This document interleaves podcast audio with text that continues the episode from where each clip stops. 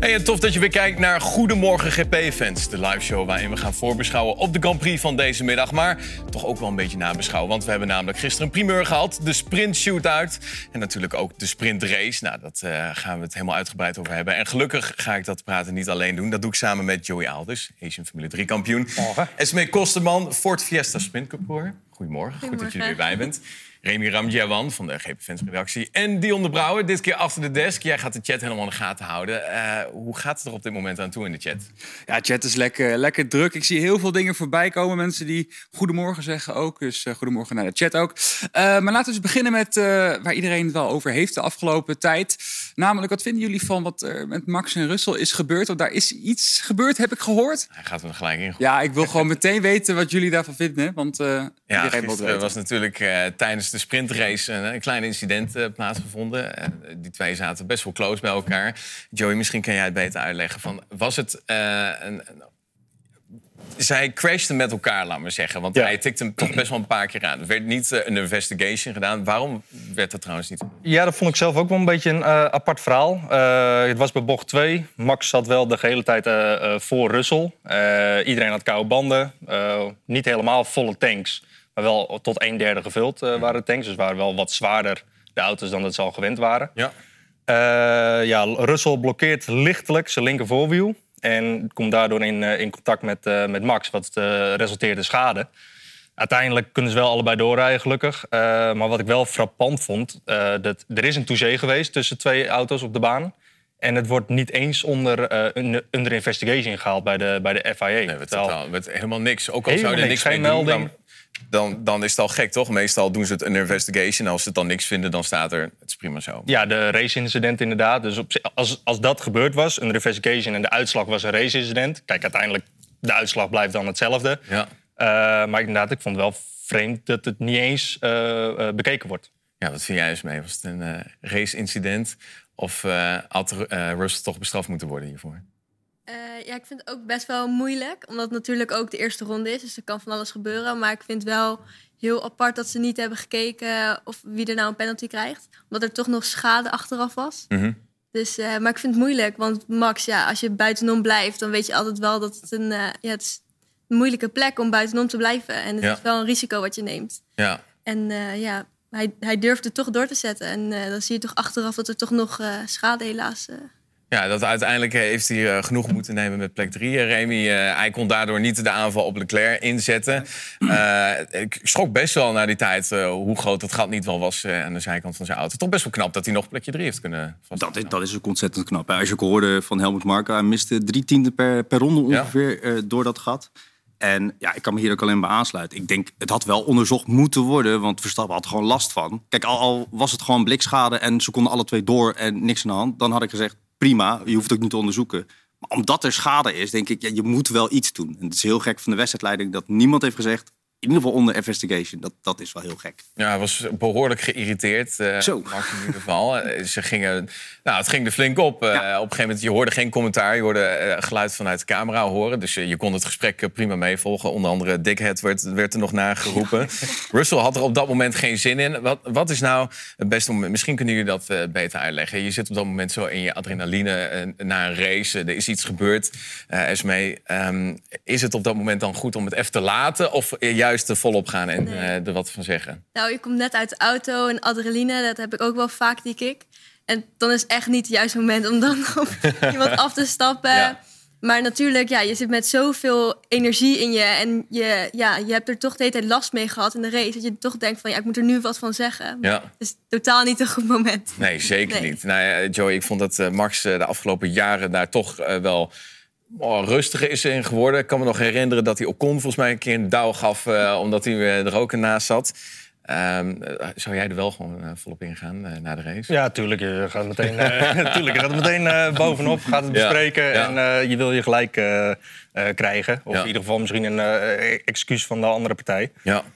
Wat ik wel inderdaad, Russell benoemde in een interview dat hij voor zat in de Apex. Terwijl later in de camerabeelden was duidelijk te zien dat dat, dat niet het geval was. Mm -hmm. dus, en daarna is er nooit meer een interview met Russell geweest dat hij heeft teruggekeken. Om, om te kijken of hij, uh, nee. dat hij fout zat of iets, of uh, in die trant. Ja, ja, er werd veel over geschreven en veel over gezegd. Ja, dus, uh... hij had in het interview afgegeven van dat hij voor zat... maar dat hij nog daarna wel de camerabeelden zou kijken... Ja. en misschien dan een andere reactie zou geven. Dus, maar die reactie is nooit, nooit meer geweest. Nee. Maar hij heeft twee verschillende verhalen verteld. Hij heeft twee verschillende manieren om het uit te leggen. Kijk, na de race, toen Verstappen hem uh, zat op te wachten, toen vertelde hij nog: ja, blokkeer het bandje, koude banden, sorry, weet je, ja, ja, ja. shit happens. Even kort gezegd. Waarop Verstappen zei: nou, pak jij nog een keertje terug. Nou, prima, weet je. Maar voor de camera bij Sky Sports of F1 TV was het verhaal: ja, ik, uh, ik laat hem niet voorbij omdat hij Max Verstappen is. Dan denk ik, hé, hey, wacht, dat zijn twee hele verschillende dingen. En dan denk ik, welke is nou de waarheid? Terwijl ik vind ze alle twee leuk hoor, maar Ja, nee, het is zeker. het, is, is een beetje gekkig dat, eh, dat er toch een andere motivatie achter zit. Ja, de politieke correctheid, eh, inderdaad. Die- Juist. Zeg dan gewoon, ik laat je het niet voorbij. Zeg het dan op de man af. En, Ja. en ik vind zo achteraf, het hoort wel een beetje bij. Het is een beetje karakter, een beetje strijd. Ik vind dat wel, daar kijk ik voor. Ja, het mag wel even vlammen, vind ik. Vind ik ook. Ja. Ja, tuurlijk. Nou, eh, sowieso, we hebben eigenlijk eh, misschien wel een groot gedeelte overgeslagen. Want de, de dag begon met een sprint shootout. Dat is een eh, format dat deze week werd aangekondigd. Van hey, we gaan het helemaal anders doen. Ja. En voor de mensen thuis, eh, misschien was het inderdaad een beetje lastig om te begrijpen. Want ik, ik kreeg ook best wel veel appjes van mensen van... "Huh, zijn ze nu al aan het rijden? Of hoe zit het nou precies? En had ik om half elf 's ochtends thuis moeten blijven? Ja, dat had je gewoon moeten doen natuurlijk. Want de sprint shootout was om even kort samen te vatten... het is een soort van een korte variant van de kwalificatie eigenlijk. Ehm, waardoor ja, je, de mensen nu verplicht eh, moesten rijden op de mediumbanden... en uiteindelijk op een softbal moeten eindigen in Q3. Daar was ook al echt heel veel commotie over... want uiteindelijk hadden heel veel teams al gekozen... om de vrijdag al gewoon die softband te gebruiken. Want je moet een nieuw eh, setje soft eh, gebruiken. Allereerst even jullie mening, Esmee. Wat vind je van deze sprint shootout? Ja, ik vind het natuurlijk wel leuk, want het is natuurlijk meer racen en leuk om naar te kijken. Alleen ja, de, hoe de FIA alles eh, van tevoren heeft gedaan, het lijkt wel in elkaar gezet, snel even haasten en Ja. niet goed bedacht. En achteraf hebben ze dat ook wel gezien dat het niet echt eh, helemaal klopt. Nee, dat er best wel veel gaten inderdaad nog Ja. zitten. En Hoe, hoe, als een coureur zijnde, hoe ga je dan dat weekend in? Laat maar zeggen, dat je, dat je hoort van... oké, we gaan het dit weekend even helemaal anders doen. Is dat voor... eh, Ja, misschien kun je dat uitleggen van... Ga je, gaat je state of mind dan ook helemaal anders worden... hoe je een, een weekend ingaat? Want je traint natuurlijk op eh, een soort van... we hebben een vrije training en dan, dan pas een sprintrace. Maar nu werd, werd er gelijk gekwalificeerd. Is dat makkelijk, zo'n knop om te zetten? En ja, een knop omzetten is natuurlijk wel heel makkelijk, maar het is wel, je moet altijd wel wennen. En je ziet met zo'n eh shootout dat ze denken van sommige teams van... oké, het is nu eigenlijk meer een training dan een echte kwalificatie. Mhm. En eh, ja, zo'n knop omzetten, dat, dat, ja, dat moet gewoon gebeuren. Want je zit natuurlijk in de Formule 1 en eh, moet gelijk boem erop. Je moet gelijk vlammen, inderdaad. Ja. nou goed, voor heel veel mensen hoopten ze eigenlijk maar dat het een vrije training was. Want eh Sargent die knalde trouwens tijdens eh, de eerste Q eh, eh, best wel hard in de muur. Maar eh, werd uiteindelijk toch vijftiende, dus ging wel door naar Q2. Ja. Ehm, dat vind ik eh, vrij eh, frappant eigenlijk. Ehm, want daardoor ontneemt hij ook de kans voor andere coureurs... om eventueel door te stromen naar Q2 of misschien wel Q3. Ehm, eh, trouwens vind ik wel een goede van... eh, ik vind het wel een soort van... als je een coureur een, een rode vlag veroorzaakt... moet hij dan zijn tijd verliezen in die sessie, ja of nee? Ja. Want hij is nu wel doorgegaan. Ja. En uiteindelijk heeft hij niet aan die sprintrace mee kunnen doen. Ja, kijk, die rode vlag veroorzaakt doet hij natuurlijk niet opzettelijk. Want dat is natuurlijk de achterliggende gedachte waarom je zegt... dan moet je uit die tijdenlijst worden gehaald. Ja. Ehm, maar het heeft wel effect op de rest, denk ik. Dus dan eh, ja, moet je misschien zo iemand wel straffen. Het is lullig, weet je. Je maakt een foutje, je ligt in de muur. Ja, dan wordt je tijd afgepakt. Maar inderdaad, je ontneemt iemand anders de kans om door te gaan. En, ja, daar kan diegene niks aan doen. Dus nee, ik, ik ben het wel met je eens. Ik denk ook wel tijd afnemen en dan eh, een andere coureur eh, door laten gaan. Ja, aan, aan de andere kant is hij natuurlijk ook genoeg al gestraft. Zijn auto is aan gruzelementen en hij kon daardoor niet de, de sprintrace mee Dat is ook bizar trouwens, zeg. Dus inderdaad, ze zeggen van ja, ja had, die rode, had die tijd afgenomen moeten worden... zodat Yuki door kon naar eh, Q, eh, Q2. Ja. Maar ja, je weet niet, stel we hadden doorgereden... dan weet je ook niet zeker of Yuki door had ge- kunnen gaan Nee, naar Q2. Dat klopt. Dus ja, aan de andere kant, dan geef je Yuki geef je, eh, geef je de, de doorgang naar de, naar de Q2. Dus ja, je, je- als je die regel zou vasthouden en je gaat kijken naar Monaco... eh, stel, iemand ligt op pole position en eh, iedereen is een push op de limiet. Een foutje zo gemaakt. Als de polsitter op dat moment de rode vlag eh, creëert, eh, niet eh expres... Ja, en je hanteert diezelfde regel dat de tijd wordt afgenomen, dat hij in de tiende staat. Ja. ja, dan vind ik dat wel een zware, Dat is pijnlijk, een ja. zware straf. Ja. Ja, ja, ja. Ja, Dan zou ik dat niet eerlijk vinden. Vooral als je die tijd neer hebt gezet. Ja. Je hebt hem toch Ja. neergezet, dan had Yuki gewoon sneller moeten zijn. Ja. Ja, Ja. ja. Dat is Dat, vind ik wel inderdaad kwalificatie. Je weet, zeker op straatcircuits, er is een kans dat er een rode vlag is. Eigenlijk op straatcircuits is het gewoon altijd eh, primeur om meteen naar buiten te gaan. Meteen een rondje. Zet een bankenlap neer. En eh, ja, dat je jezelf indekt op een rode vlagsituatie. Ja, wat vinden we dan van de, de, de banden die je echt moet gaan gebruiken? Twee keer mediums. Ja, dat, dat vind ik dan. eh, dat is inderdaad wat jij zei. eh, een beetje bij elkaar gehoopt eh, stapeltje met regeltjes. ja, snel, snel in elkaar geflanst. En nou, hier, dit is het kwalificatieformat. Zonder al te veel gedachten erin kwijt te, te zitten. Ik zit eerder te denken, als je het echt anders wil aanpakken, doe dan een one-shot qualifying. Of iets Ja, ja. in die trant. Of inderdaad, zoals. Ja, dat zou je liever willen zien. Ja, of, zo- of zoals Formule E, hoe ze dat hebben opgesteld. Ja. Ja, als je, als je echt wat anders wil. Want het is nu gewoon een standaard kwalificatie, maar Ja. dan ja, iets ingekort. Nou, Ja, nee, je hebt geen tijd gehad. Eh, de, de kwalificatie daarvoor was dan ook best wel bepalend. Eh, want eh, heel veel teams zoals Norris bijvoorbeeld... eh, die dachten van nou, ik ga maar dan een setje soft gebruiken... zodat ik tijdens de race in ieder geval... ja. ik vind het ook wel slim. Want op een gegeven moment denk je... nou, ik ga toch niet in de punten eh, meedoen. Dan, dan maar een goede startpositie op de race voor, voor zondag. Ehm, en ik vond het ook wel pittig hoor, dat je tijdens de eerste vrije training knalden ook al mensen eraf. Dus de tijd loopt gewoon door tijdens een rode vlag situatie. Dus je hebt weinig tijd om ook daadwerkelijk eh, eh, te kunnen trainen. Ehm, de shootout is op een ander moment dan eigenlijk eh, gepland was. Hè, dus om half elf. De condities van de baan zijn ook een stuk anders. Dus eh, kouder.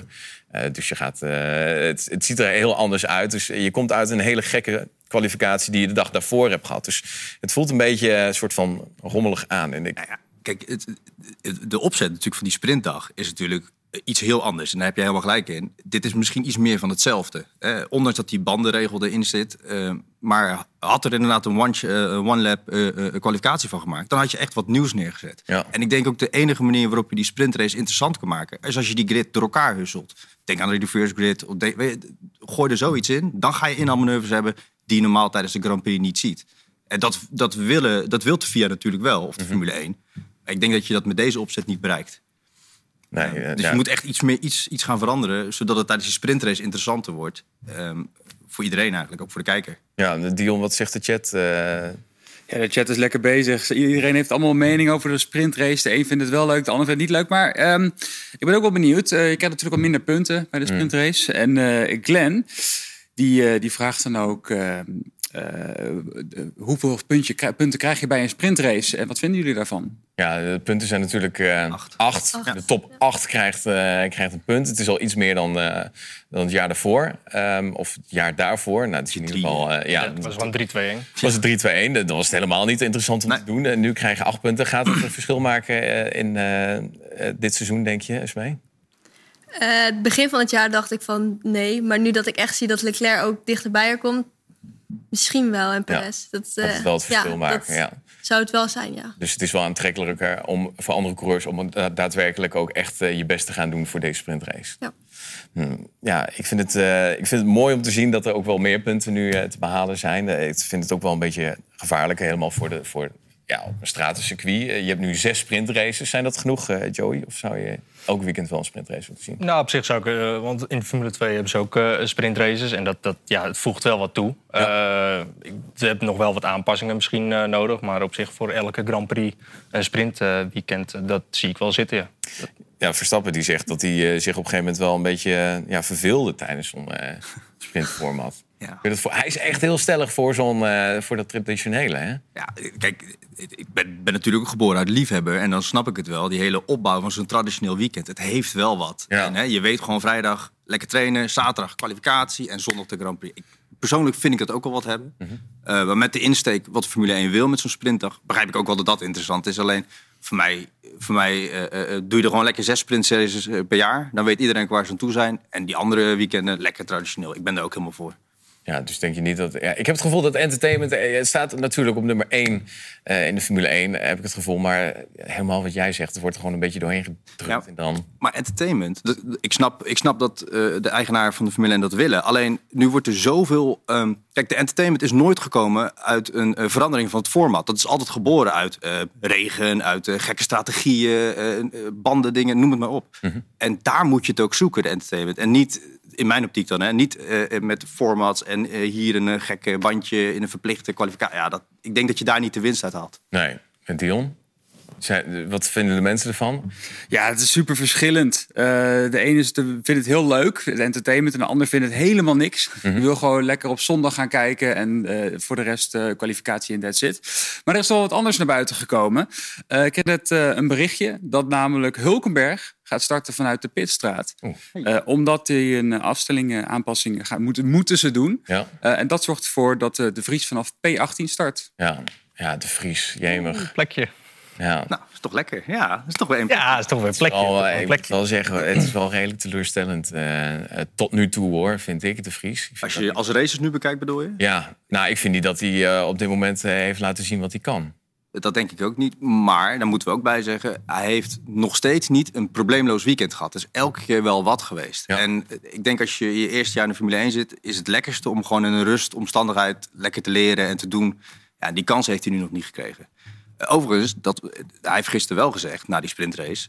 die banden die gingen iets langer mee dan hij had verwacht. Dus wellicht zit er nog voor vanmiddag wat in eh, eh, op, qua bandenstrategie. Ja, tijdens de vrije training had hij wel eh, P6. Nou, Ja. Dat is een vrije training, dus dan ik, ik kan niet niks. echt wat eh, van zeggen natuurlijk. Maar Tsunoda was wel redelijk kritisch eh, na de sprintrace over de Vries. Want die zegt van, dat hij geen ruimte had. En dat hij daardoor in de muur terecht was gekomen. Ja, dat, daar is niks aan gelogen. Ik heb die beelden nog eens teruggekeken. Het, het leek een beetje op Russell en Verstappen. Alleen dan tussen Tsunoda en De Vries. Ja, maar komt het dan echt nou door die auto? Of, ja, ja ik, ik denk het wel. Die auto is gewoon nog niet zo goed. Hè. Ik bedoel, eh, het is gewoon de langzaamste auto, denk ik. Zelfs eh, nog langzamer dan de Williams. ja. Dus daar, daar, daar moet gewoon het roer om. Daar moeten ze echt iets gaan vinden.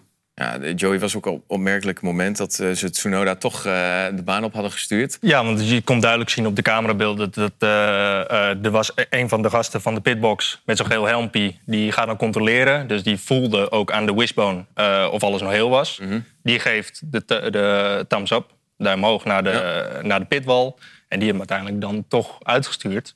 En ja, toch was door afgebroken. Je zag ook duidelijk, het hele stuur die stond 90 graden naar Ja, dan moet je op dat moment dan toch links of rechts. zien, of niet? Ben ik nog gek? Ja, de- ik vond het ook, ook Onbegrijpelijk. apart. Het, het is gecontroleerd. Ja. Het is, eh, en ja, het is goedgekeurd en zo eh, eh, de baan opgestuurd. Ja, het enige wat misschien zou kunnen, maar dat is ja, lastig te zeggen, dat hij op dat moment heel was. Ja. Dat hij op het moment dat hij gas gaf Oh. met nieuwe banden erop, dat hij op dat moment is afgebroken. Ja. Maar ja, dat is speculeren en daar heb je geen bewijs voor. Ja, maar uiteindelijk werd die virtual safety car dan toch omgezet naar zo'n safety car. Dat zal wel, ja, dat heeft het hele veld een nadeel aan, toch?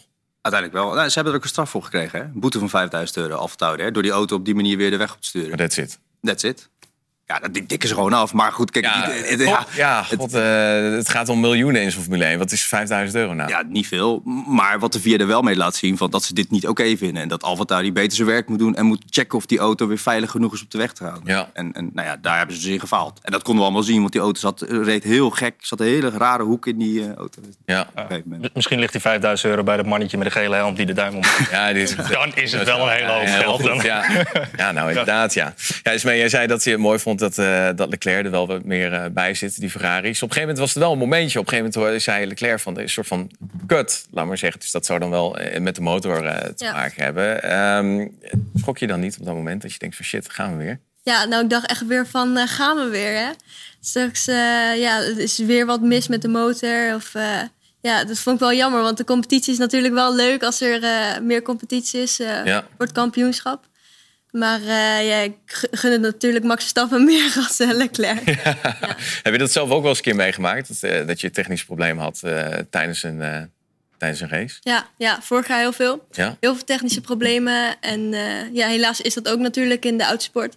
En daar moet je maar mee dealen. Ja. Dat is nou eenmaal zo. En eh, zit je dan wel even wat eh, anders in die auto dat je denkt van shit, als die maar vol. Ja, natuurlijk. Ja, heel gefrustreerd. Je denkt Ja. van, hoe kan dit nou? Ja. Natuurlijk, je weet dat je vooraan mee kan rijden... en dan gebeuren zulke dingen. Dat is natuurlijk heel jammer. Ja, het, ik vind het wel bijzonder dat die Ferrari motor tijdens zo'n kwalificatieremie zo sterk is. Hij weet het goed vol te houden, maar uiteindelijk ja, tijdens zo'n race pace weet hij toch af te leggen. Eh, Moeten ze daar niet, eh, gaan we daar nog verandering in zien, denk je, dit seizoen? Qua motor of qua... Ja, gewoon dat ze op een gegeven moment dat ze die auto wat langer tijdens een race ehm, eh, voor die Red Bulls weten te houden in ieder geval.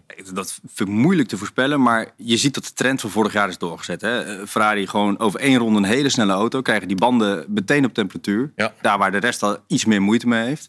Eh, maar ja, daardoor slijt je wel weer je banden te veel tijdens zo'n race. En ik denk dat ze dat probleem nog niet helemaal hebben gecoverd. Hm. Want je hoorde Leclerc ook toen hij de pole position had gepakt vrijdag. Van, ja, maar tijdens de race is Red Bull vaak nog sneller. Ja. Dus ze zien zelf dat probleem ook aankomen. Ehm, ik denk dat je... eh, Ja, kijk, Frederik Vasseur moet daar gewoon ja, met een nieuw soort filosofie gaan komen... om meer op de race het accent te leggen dan op de kwalificatie. Want Ja. worden de punten verdeeld in de race. Ja, en dat gaat wel even duren, denk ik. Dat denk ik ook, ja. Ja, die was trouwens ook niet bij eh, deze week omtrent uh, Laurent vertrek, eh, ja. dat hij naar Alfa Tauri gaat. Nou, ik heb begrepen dat dat een beetje te vroeg is uitgelekt. Vasseur zei, het is een beetje agressieve houding van Alfa Tauri... om dat nu zo lekker te melden. Ja, Ehm, en ook Frans Toost had gezegd, ja, dit had eigenlijk iets later naar buiten gekomen moeten worden. Maar ja, goed, eh, aan de andere kant, geef zo'n Laurent Mekies eh, is ongelijk. Hij kan eh, eindelijk teambaas worden. Dat wil je als je daar zit. Tuurlijk. Ja, dan moet, hij, moet je die kans grijpen. ja nou, eh ehm, Vasseur is een man met een mening. Eh, deze week waren wij ook bij een man met een mening. Michel Blekemolen, wij vroegen hem namelijk eh, naar zijn mening over dit weekend. Ja, Michel, eh, ja, de lentestop zit erop. De Grand Prix van eh Azerbeidzjan staat voor de deur. En de teams hebben even de tijd gehad om te hergroeperen. Hè? Ja, wie denk je dat de tijd het beste gebruikt heeft om eh, ja, zichzelf te verbeteren? Ja, je hebt twee dingen. Wie heeft het beste de tijd gebruikt en wie heeft het meest verbeterd natuurlijk. Eh, nou ja, dat zien we op de startopstelling. Daar hebben jullie al eh, uitgebreid over gehad natuurlijk. Dus ik denk dat iedereen keihard gewerkt heeft. En dat ze allemaal wel de nieuwe dingetjes nu geprobeerd hebben. Of die wel of niet werken. Dus de tijd is nuttig besteed bij iedereen. Ja, wat denk je dan bij eh, teams als Mercedes, Ferrari, McLaren, hoe zij de lentestop in zijn gegaan? Wat, eh, ja, wat hebben ze daar gezegd aan het begin van Nou ja, eh, die zitten natuurlijk op maandag na de race wel in een diepe vergadering met de leaders van de ontwikkelingsafdeling enzovoort enzovoort. Van jongens, wat moeten we hier aan doen? Ja, dus die, die hebben al het mogelijke wat ze kunnen, hebben ze natuurlijk gedaan. En ja, je moet ook maar de capaciteit hebben om allemaal dingen te bedenken die weer goed werken. En ja, dat, is, eh, nou ja, dat zien we nu startopstellingen. Hier in Baku hebben we dus de eerste sprintrace van het jaar gehad. Eh, en daar is een hoop te doen over geweest, over de sprintraces eh, de afgelopen tijd. Ja, hoe kijk jij eh, naar de sprintraces eigenlijk? Is het een goed iets voor de Formule 1? Ja, nou, het is een commercieel dingetje natuurlijk. Hè. Eh, maar ik vind het op zich wel leuk, want ja, we hebben meer, meer kijkplezier, denk ik. En ik kan me voorstellen dat er ook rijders zijn die zeggen: ja, eh, allemaal risico's straks eh, met een crash en dan ligt de auto in elkaar en we moeten de volgende dag weer van start. Dus dat is nog wel even een, eh, een angstig ding. En ja, nogmaals, het is een commercieel ding, want er komen meer mensen naar de televisie kijken. Er komen meer mensen op het circuit als het al niet vol zou zitten. Maar dat is de achterliggende gedachte, denk ik, van die sprintraces een beetje. Het is niet voor de teams, alhoewel ze ook iets meer geld daarvoor krijgen. Omdat er ook weer meer binnenkomt daardoor. Ja, en veel teams dragen het ook wel aan als eh, eh, ja, de budgetcap. Hè? Dat er meer crashes kunnen komen door de sprintraces. Ja, ja. Is dat een probleem? Ja, kijk, er wordt natuurlijk meteen geroepen: oh, die crash die kostte 800.000. Eh, dat relateert men aan wat een auto aan de ontwikkeling heeft gekost. Want die, eh, die vleugel, die heeft, de eerste, heeft natuurlijk een verschrikkelijk eh, veel geld gekost. Maar als die eenmaal kan, eh, in de duplicaat daar weer van komt, is dat natuurlijk vele malen minder. Maar dat, dat het risico dat wat ze lopen met ook chassisschade enzovoort enzovoort en de paniek in zo'n weekend, kan me voorstellen dat de teams daar wel een beetje angstig voor zijn. Ja. Ja, ook eh, naast de sprintraces eh, zien we dat de kalender steeds groter wordt. Hè? Ook iets waar eh, Verstappen bijvoorbeeld geen fan van is.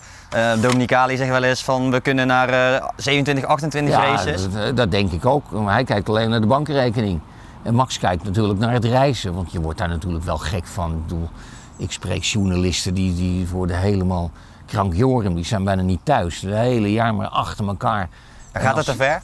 Ja, ik denk dat dat te veel is. Dat moet je niet doen, dat moet je niet willen. Maar ja, eh, elke eh Grand Prix is natuurlijk weer eh, dollars in de pocket. En ja, ja, er zijn misschien ook mensen thuis die zeggen, ja, je wordt ruim betaald, niet zo klagen en gassen met dat hoor. Ja, maar het is niet alleen de rijder. Het is natuurlijk het, het, de monteurs. Ga maar, ga maar elke 23 weekenden de halve wereld over. Je bent nooit meer thuis. Dus eh, ik hoorde nu pas ook weer een verhaal van die man zegt... Nou, ik, ik hou het niet meer uit, ik stop ermee. Ik heb een, twee kinderen thuis, hoe moet die, die zie ik nooit meer. En dus ja, ik kan me wel voorstellen dat het voor heel veel te veel is. En ja, de rijders, dat zijn misschien nog de minste... Hè, want eh, die hebben wel eens een eigen vliegtuig. Dus dat is nog te doen. Maar ja, ga er maar heen. Je staat er op woensdag.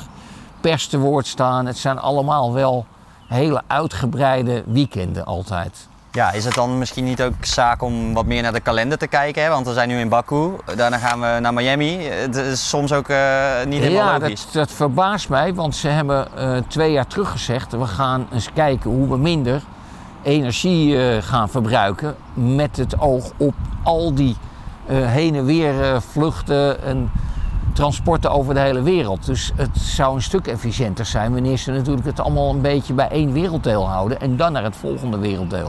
Ik denk dat, eh, dat ze daar wel naartoe moeten. Want ze krijgen vandaag morgen nog veel meer commentaar natuurlijk als ze dat niet doen. Maar ze hebben het beloofd om te doen en het valt toch weer een beetje tegen. Ja, daar denk ik dat ze zeker naar moeten werken. Maar je moet ook weer kijken, eh, je kunt ook niet eh, in Nederland in november rijden. Want dan eh, zitten we allemaal te blauwbekken. Dus je hebt ook wel te, te maken met eh, de seizoenen in al die eh, werelddelen. Dus het is niet zo heel makkelijk om dat allemaal naar iedereen zijn zijn zin in te vullen. Ja, nog even terug naar ehm, Verstappen zijn commentaar op de sprintraces en de kalender, et cetera. Want hij zegt zelfs, als het zo doorgaat, dan zoeken jullie het maar uit. Dan ga ik lekker met pensioen en dan ben ik er klaar mee. Ik wil lekker bij familie en vrienden zijn. Ja, denk je dat hij dat echt zou doen of dat het meer een beetje een pressiemiddel is om, eh, ja, om zijn zin door te, drukken bij de FIA? Ik denk dat het zeker een pressiemiddel is. Hè, eh, maar ja, ik, eh, ik ken Max niet goed genoeg om daarover te kunnen oordelen. Want ik denk ook wel eens dat hij bij zichzelf denkt: het is niet een ongevaarlijke sport. Ik heb de kas al gevuld, dus wat moet ik eigenlijk nog? Dus, eh, en, en Max is niet eh, een mannetje die op de publiciteit uit is of weet ik het wat. Die vindt het racen mooi. En ja, als het te wordt, te is voor hem ook dan te ver. En moeten we dan als Nederland niet verbaasd zijn als hij na 2028 zegt, eh, "Jo- jongens, tabé, ik stop ermee? Zou kunnen. Het is natuurlijk moeilijk om te stoppen, hè, want je bent een wereldstar en best wel lastig. Je ziet het aan artiesten, die gaan ook niet zomaar stoppen, die blijven toch weer terugkomen of hoe dan ook. Eh, je ziet het aan Alonso, Eh, maar die zou niet zonder eh, racen kunnen. En ik ja, kan niet Max inschatten of hij zonder racen zou kunnen. Ja, hij heeft natuurlijk ook wel eens aangegeven dat hij ook interesse heeft in andere Ja, raceklassen. oh, maar dat zou zeer, zeer zeker kunnen. Want dat is allemaal wat relaxter. Die Formule 1 is een, is een wereld. Elke week is dat weer een Olympisch, Olympisch spel als het ware. Zoveel. Als je ziet, we zijn nu alweer in Zandvoort de boel aan het opbouwen. Eh, en, enzovoort, enzovoort. Wat er allemaal wordt neergezet. En voor twintig autootjes die een race rijden op zondagmiddag. Dus wat er dan allemaal omheen zit en wat Max en, de, en zijn kornuiten allemaal moeten doen, is gigantisch. Ja, iemand anders zijn toekomst, ook een groot kampioen, Lewis Hamilton. Hij heeft ook een aantal weken gehad om eh, na te denken over zijn toekomst. En zijn contract loopt natuurlijk af na dit seizoen. Ja, wat denk jij dat, eh, dat Lewis gaat beslissen uiteindelijk? Ik zie hem als Alonso. Hij kan nog niet zonder racen. Hier zit het beste voorbeeld. Ik kan ook niet zonder racen. Ik, ik ga mijn oude, mijn oude leeftijd ga ik ook nog een raceauto in. En dan wil ik niet zeggen dat zij zo ver gaan. Dat is een ander ding. Maar eh, hij heeft nog te veel spirit eh, om in een raceauto te stappen. Dus eh, het zou hooguit kunnen dat hij nergens een goed plekje krijgt. En dat zou een reden zijn om te stoppen. Maar eh, ja, hij wil echt niet stoppen. Of hij blijft bij Mercedes, of eh, nou, misschien wel naast, naast Verstappen. Dat Ja. zou een hele mooie stunt zijn. Zou dat überhaupt wel werken? Max en Hamilton, twee zulke haantjes eigenlijk. Twee Ja, mannen die dat willen winnen, zeker, kost ja. wat het kost. Oeh, ja, dat is een, eh, een heel ding. De praktijk zal het dan uitwijzen. Ik denk niet dat het zover zou komen, maar het zou voor de fans... Hè, dan kun je gelijk die, die sprintrace opzij gooien. Want als die twee in één team zitten... dan krijgen we natuurlijk een gigantische partij aandacht uit de hele wereld. Dus het zou een mooie stunt zijn. Maar ja, ik denk niet dat het gaat gebeuren. Nou ja, goed. We zijn nu eh, natuurlijk in eh, Baku, hè, Grand Prix van Azerbeidzjan. En dat kunnen we inmiddels wel een eh, fan-favorite noemen, denk ik. Ben je ook zo fan van de race in Baku? Ja, het is een beetje verschillend, hè? lang rechtstuk. Maar ook dat stuk bij de kasteelzoon, bij dat schuin omhoog. Dat ziet er voor de televisiekijker natuurlijk altijd heel smal uit. Maar ja, ik houd van stratenrace, vind ik toch altijd wel heel mooi. Dus eh, ik vind het een leuk circuit. Het ziet er, eh, ziet er altijd leuk uit en eh, eh, mooi om daar te racen. Dus niet opgeven op dat circuit, denk ik. Ja, jij als eh, groot racer weet natuurlijk hoe het is om eh, te rijden op een stratencircuit als Monaco, als Baku. Ja, kon je, kun je ons meenemen in eh, hoe dat is? Ja, je rijdt tussen twee eh, wallen van eh, magneten, noem ik het ook vaak. Want ja, dat is een soort magneet. En op een andere baan kun je nog even met het wieltje op, op even daarna een stofwolkje, een curbstoontje. Maar Monaco, eh, even dit, is ook gelijk pats pats. Hè? Dus daar moet je steeds, en dat is een, een typisch ding van Max, daar is hij altijd de beste in, denk ik. Dus ja, ik, ik, ik vind dat wel heel bijzonder om te rijden. Monaco is ook verschrikkelijk zwaar natuurlijk om te rijden. Moeilijk in te halen. Dus, eh, maar ja, ik ben een voorstander voor straatraces. Ja, is het ook, eh, komen daar echte goede coureurs boven drijven of eh, werkt dat Ja, zo? dan moet ik weer oppassen, want dan eh, loopt die Perez weer te kwispelstaarten. Want die heeft natuurlijk een paar keer gewonnen. En dat dan was zijn mazzel, doordat er wat anders aan de hand was. Maar Perez gaat natuurlijk hard op die straatraces, laten we eerlijk zijn. Maar hij had vorig jaar Monaco niet gewonnen. Als hij niet door omstandigheden op kop kwam. Dus, maar ja, het, het is wel, sommige rijders zijn er goed in, sommige wat minder. Want het is een, een ding. Eh, ik, ik weet uit mezelf, ik heb 30 jaar gereisd in Monaco in allerlei klasses. En je bent zo gefocust op één rondje in de qualifying. Dat is altijd anders dan op andere banen. Want je moet zo. Ik, ik, op een andere baan denk ik nog wel eens een keer. eh, oh ja, vanavond eh, met die weg of die eten, verplichting zo. Dat doe je dus nooit op Monaco. Monaco is gewoon, daar zit je zo. eh, ja, je hebt niks anders. Je bent gewoon in een trance.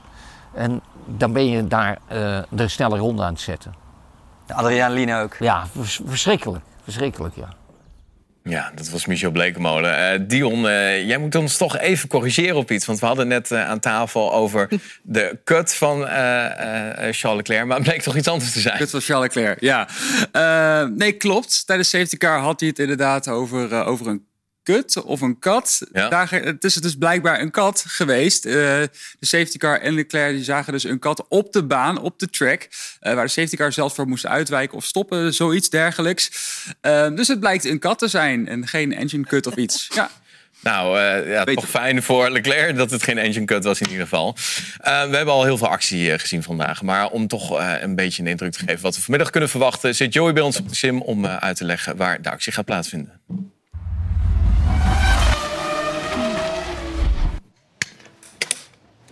Yes, eh, het GP van Azerbeidzjan werd eh, geïntroduceerd in 2016. Toen was het nog eh, de European Grand Prix. En vanaf eh, 2017 tot heden is het de Azerbeidzjan Grand Prix geworden. Het is eh 6 kilometer lang en 3 meter, om precies zijn. En het telt ook het langste rechte stuk op de kalender van maar liefst eh, 2,2 kilometer. Dus dat is wel een flink lang, lang rechtstuk. Ook gewoon een stratencircuit. Eh, dus de muren die staan eh, eh, dicht, dicht bij elkaar. Kijkt ook zo bij alle appartementen, kun je zo naar binnen kijken. En het is ja, dus, een lastig straatcircuit. Eh Perez is hier ook heel goed. Ik denk dat het ook door de 90 graden bocht komt. Want op de meeste straatcircuits kom je veel 90 graden bocht tegen. Dus ik heb een kleine theorie dat als Perez gewoon heel goed is in een 90 graden bocht, dat hij al goed snel, eh, snel is in een, eh, op een straatcircuit. Hier komen we aan bij het smalle gedeelte. Hier wordt het maar 7,5 meter breed. Dus hier moet je gewoon heel krap tussen, tussendoor sturen.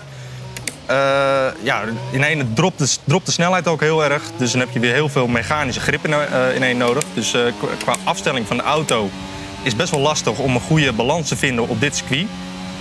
Want je wil ook lage downforce voor het hele lange rechtstuk. Maar dat bochtengedeelte wil je dus ook wel weer aardig wat grip hebben. Eh, s- zes kilometer lang, dus best wel een aardige ronde.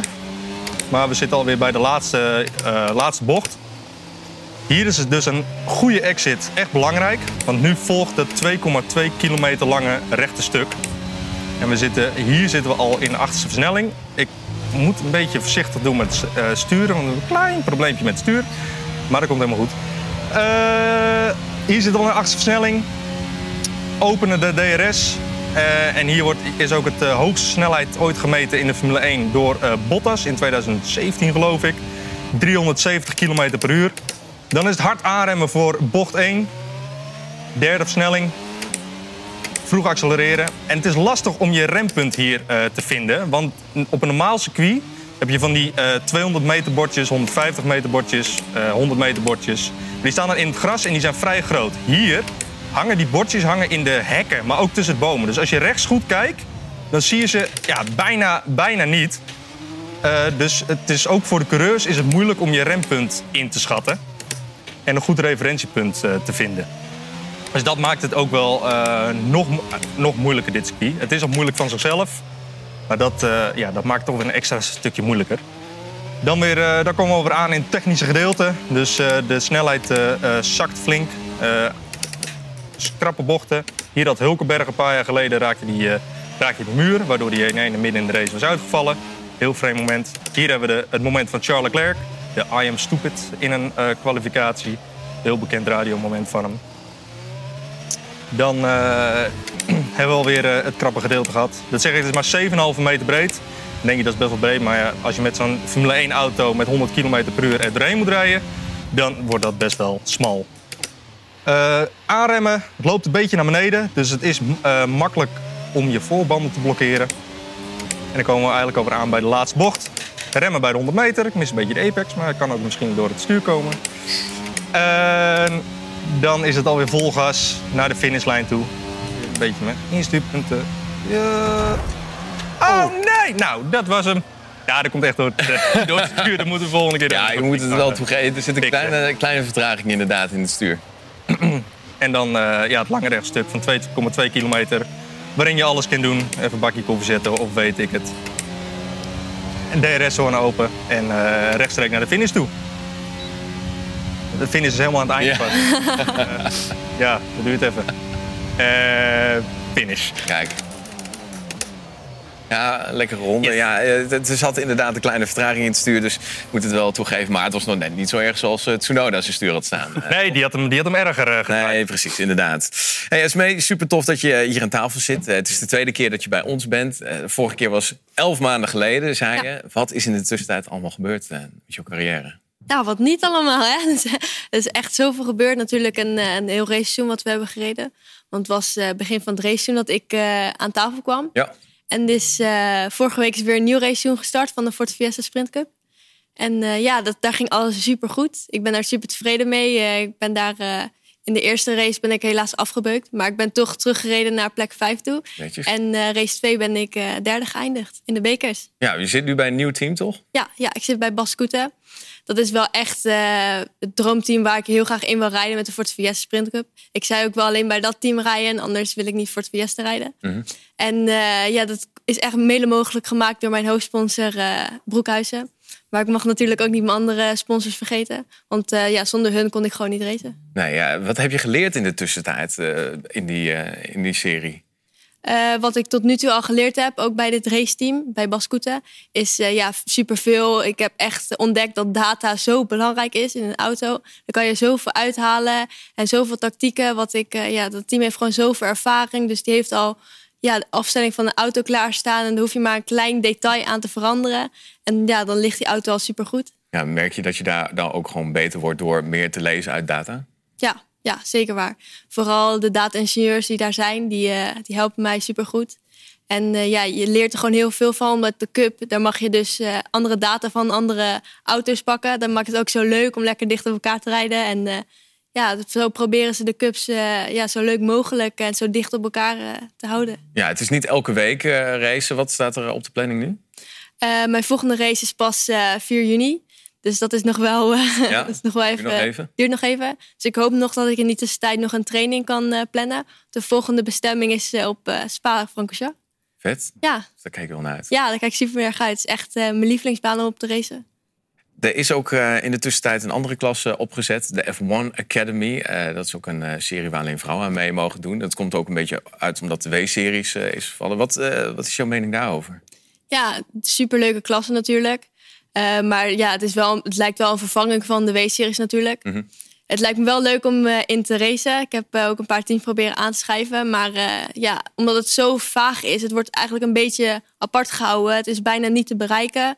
En ja, dat, dat vind ik het jammere eraan. Het is, ja, het is zo vaag, het wordt niet live gestreamd, je hoort er niet veel informatie over. En ja, dat is natuurlijk wel wat je wilt hebben, want het zijn natuurlijk wel vrouwen die in, in de F1 Academy moet je toch een beetje ja, promoten, een beetje informatie geven. Maar ja, dat blijft nog steeds uh, heel vaag. Ja, ik krijg best wel vaak ook de, de, de, vraag van... Goh, waarom zitten er geen vrouwen in de Formule 1? Um, uh, je hebt nu dan een aparte klasse, F1 Academy. Ja. Je hebt niet echt de mogelijkheid om eventueel door te stromen naar een andere klasse, volgens mij. Um, zou jij dat dan toch liever gemixt zien? Dus dat je dan in de Formule 1 toch ook wat meer vrouwen zou hebben? Ja, natuurlijk. Natuurlijk wil ik dat wel zien, hoe, hoe dat nou is... om een vrouw nou tussen de mannen neer te zetten. Van, ja, waarom wordt dat eigenlijk gewoon niet gedaan? Is dat ook jouw ultieme droom natuurlijk... om uh, in een Formule 1 of in een andere klasse te rijden?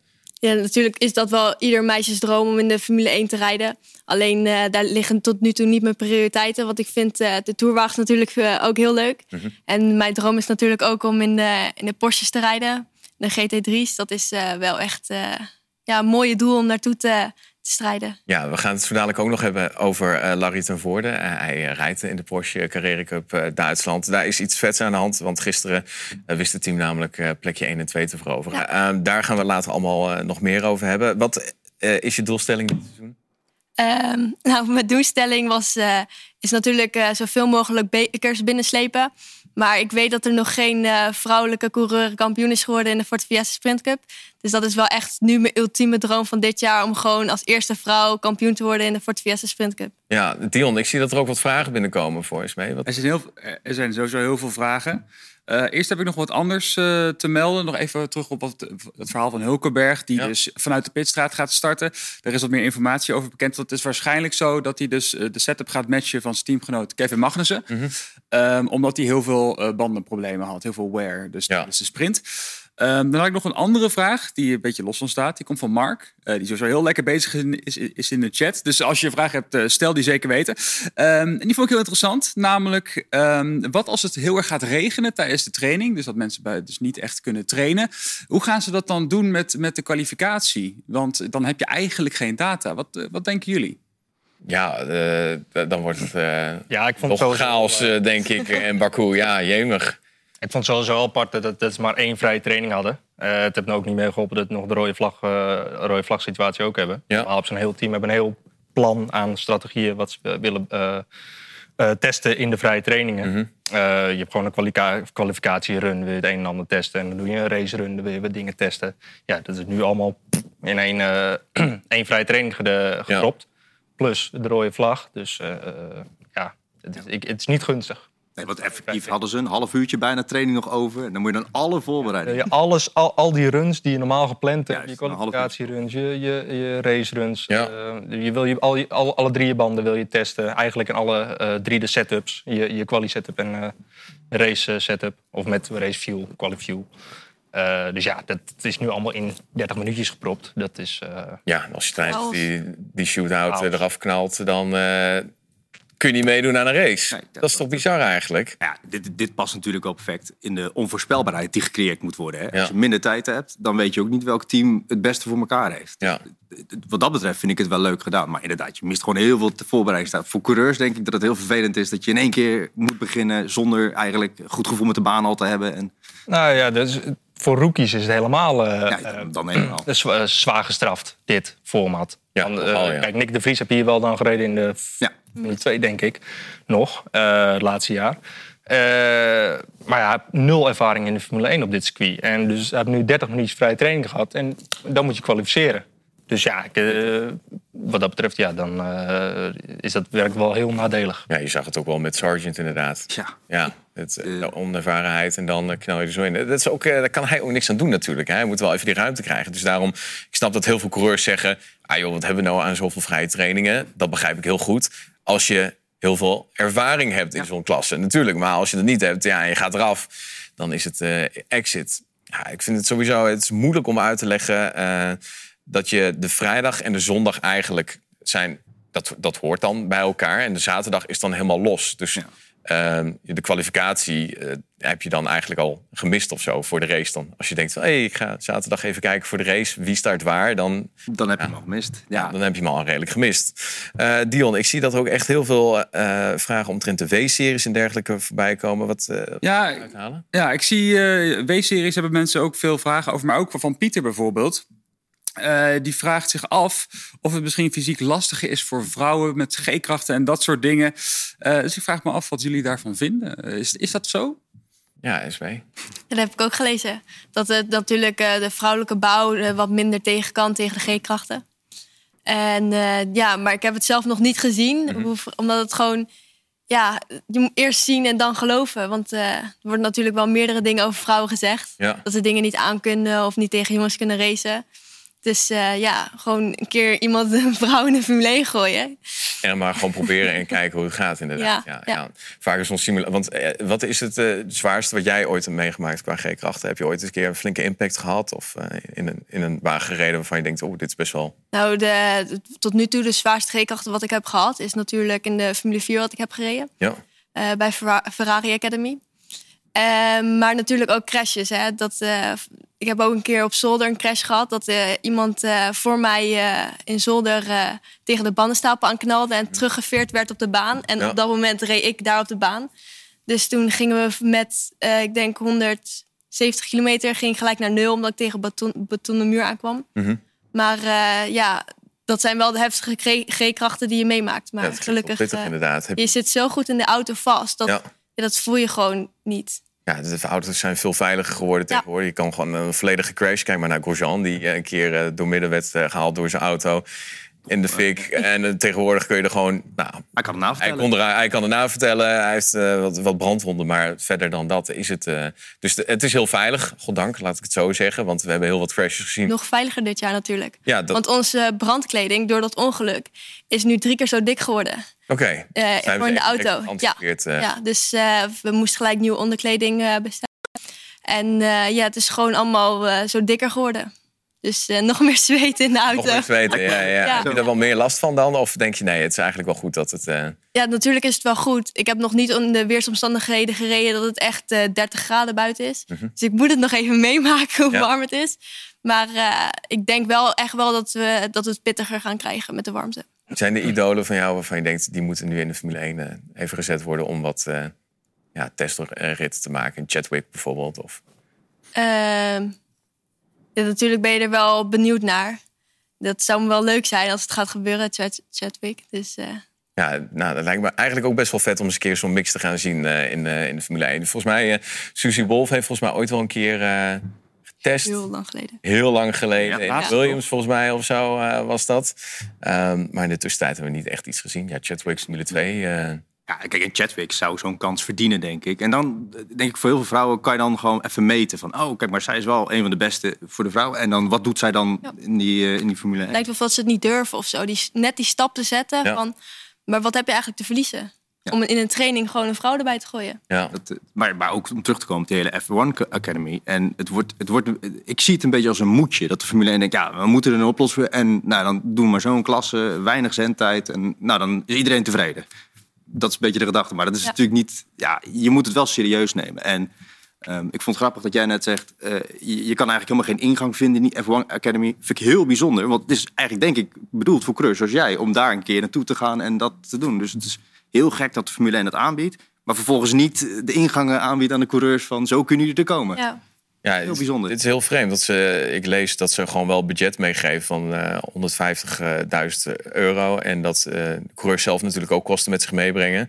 Eh, dus het wordt wel ondersteund, maar ook weer niet helemaal of zo. De W-series was volgens mij ook in één keer gestopt omdat het geld op was. En eh, er was wel een uitzending, maar dat was volgens mij één camera op het rechte stuk.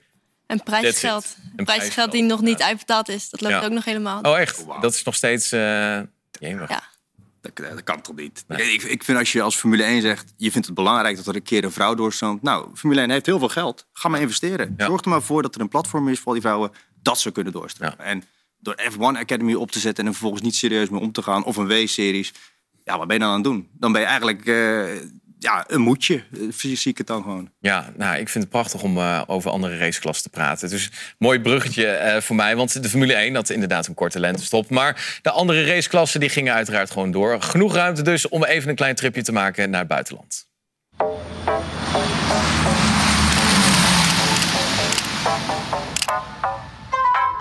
Voor deze GP Special ben ik beland in Berlijn. En denk je aan Berlijn, dan denk je misschien aan Checkpoint Charlie of de Berlijnse muur. Of natuurlijk aan de E-Prix. Ik ben meegereisd met DS Penske om te kijken hoe het nou allemaal eraan toe gaat in de garage. En om Stoffel van Doornen en Jean-Erik Venje te vragen wat zij nou verwachten van dit seizoen.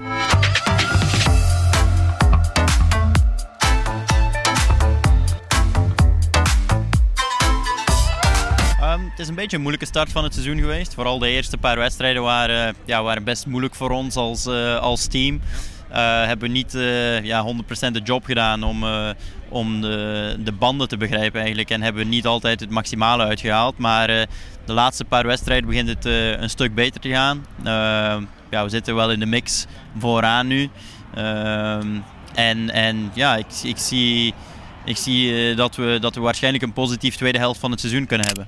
Uh, well, I mean, it's this team. I'm, I'm, I'm quite used to drive with uh, champion. You know, I was my ex teammate was Antonio, also uh, you know, so world champion, and, and uh, this year with Stoffel. And I think it's it's great because we're on the same same level, um, and there is not one driver more hungry than the other one. Uh, in a sense that always trying to prove himself or, or everybody else that he can be better. You know, we, we both want it, and uh, and I think the ego is is put aside, and um, I think it's good for the team. Uh, it's good for us as well because you know we're working very well together. De Gen 3 auto's zijn een wereld van verschil als je het vergelijkt met eh, vorig jaar. Ben je er al een beetje aan gewend? Uh, ja, je wordt, er, je wordt er wel snel aan gewend natuurlijk. Uh, maar er zijn helemaal. Of er zijn veel andere dingen ten opzichte van, uh, van de vorige generatie met auto's. Ik denk het grootste verschil is, uh, zijn de banden natuurlijk. Uh, dus die geven, die geven een heel ander gevoel. Hebben iets helemaal anders nodig qua, qua setup van de auto. Dus ja, er zijn toch wel veel dingen die verschillend zijn. En, en ja, waar, je, waar je wat moet aan wennen in het begin. Wat zou je zelf nog graag willen veranderen aan deze auto's? Uh, ik denk dat de auto's sneller moeten, moeten gaan nog. Want uh, oké, okay, we hebben meer power, we hebben minder, minder gewicht. Maar de banden zijn voorlopig nog wat uh, te hard. En we hebben geen, ja, niet genoeg grip uiteindelijk. Dus ik denk als we, als we een stap meer grip zouden hebben, dat, dat de auto's best ja, een stuk sneller kunnen gaan. En, en waarschijnlijk de wedstrijden wat interessanter worden. Is there a driver that you admire, that you look up to?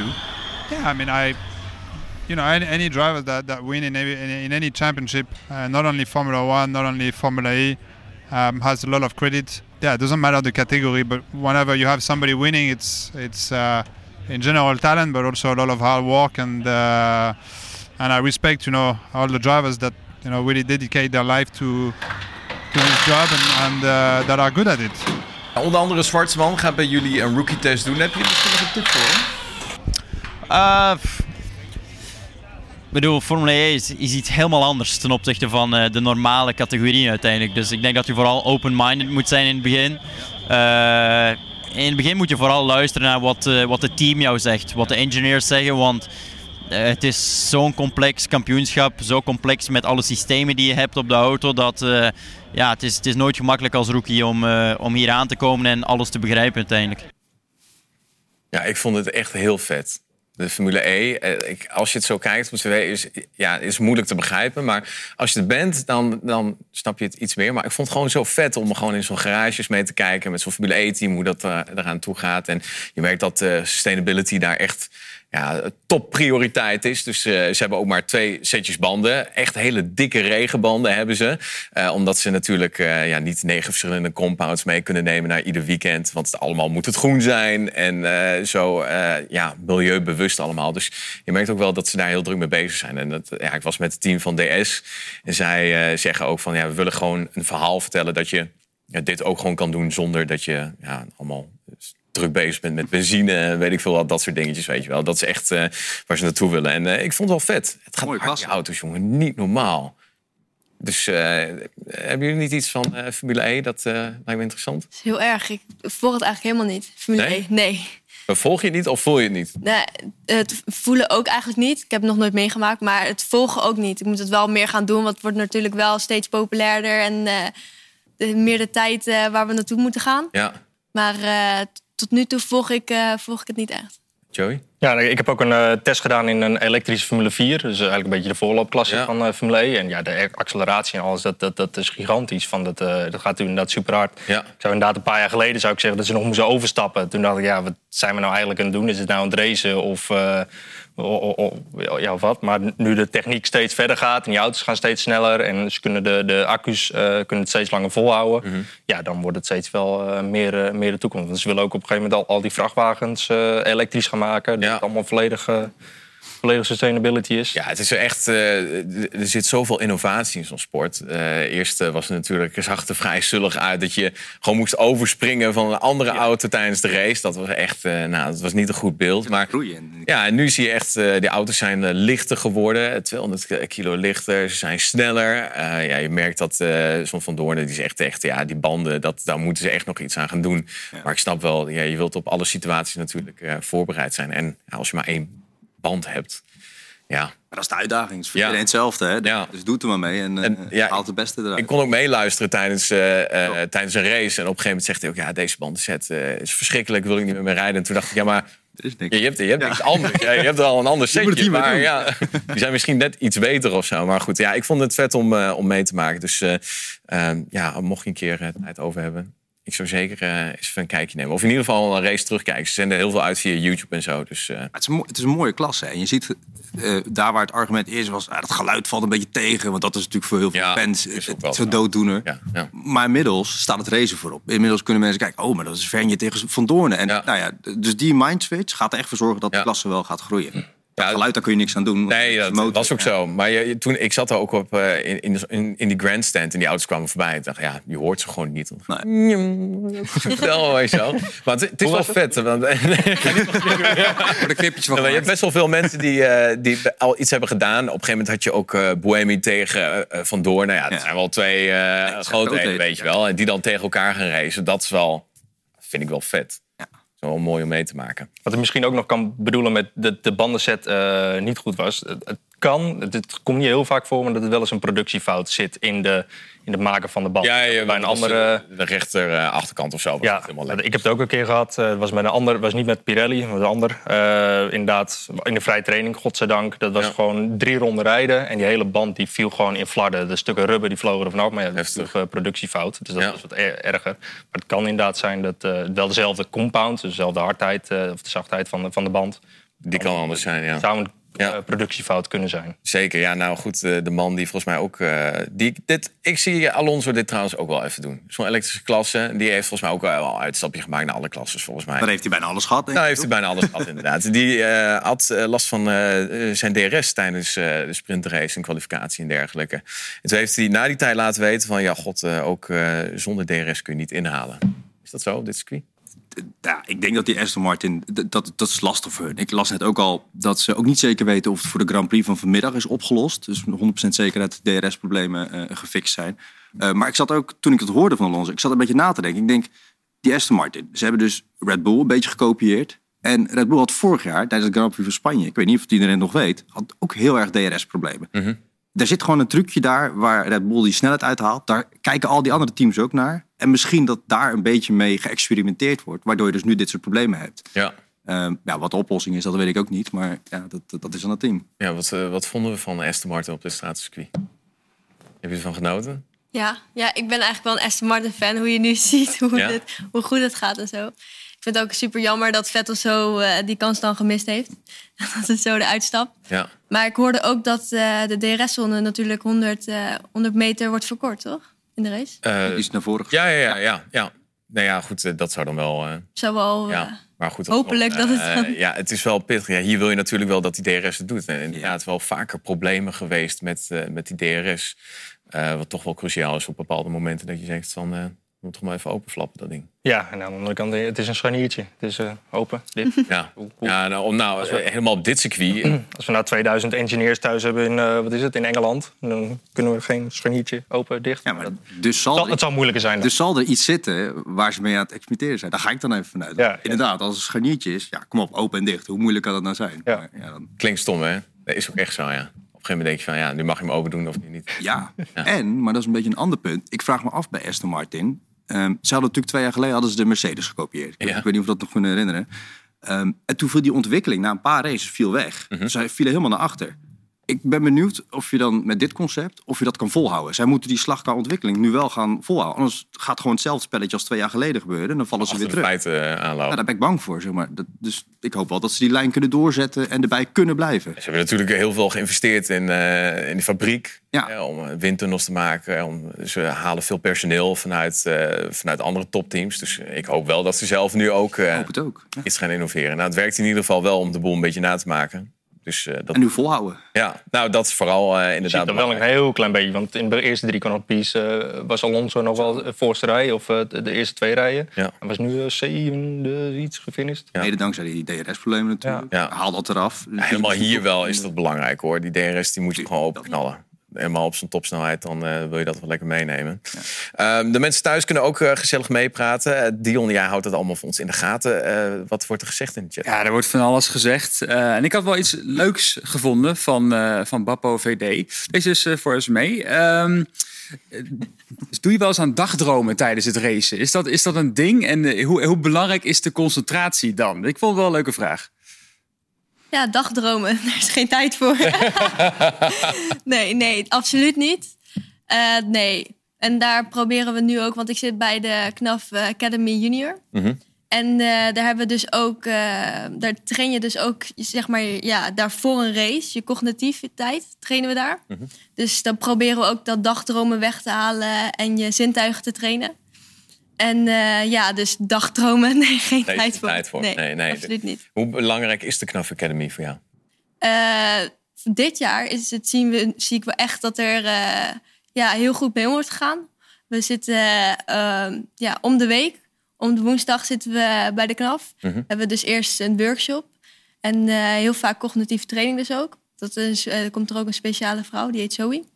En daarnaast gaan we dus ook sporten met z'n allen.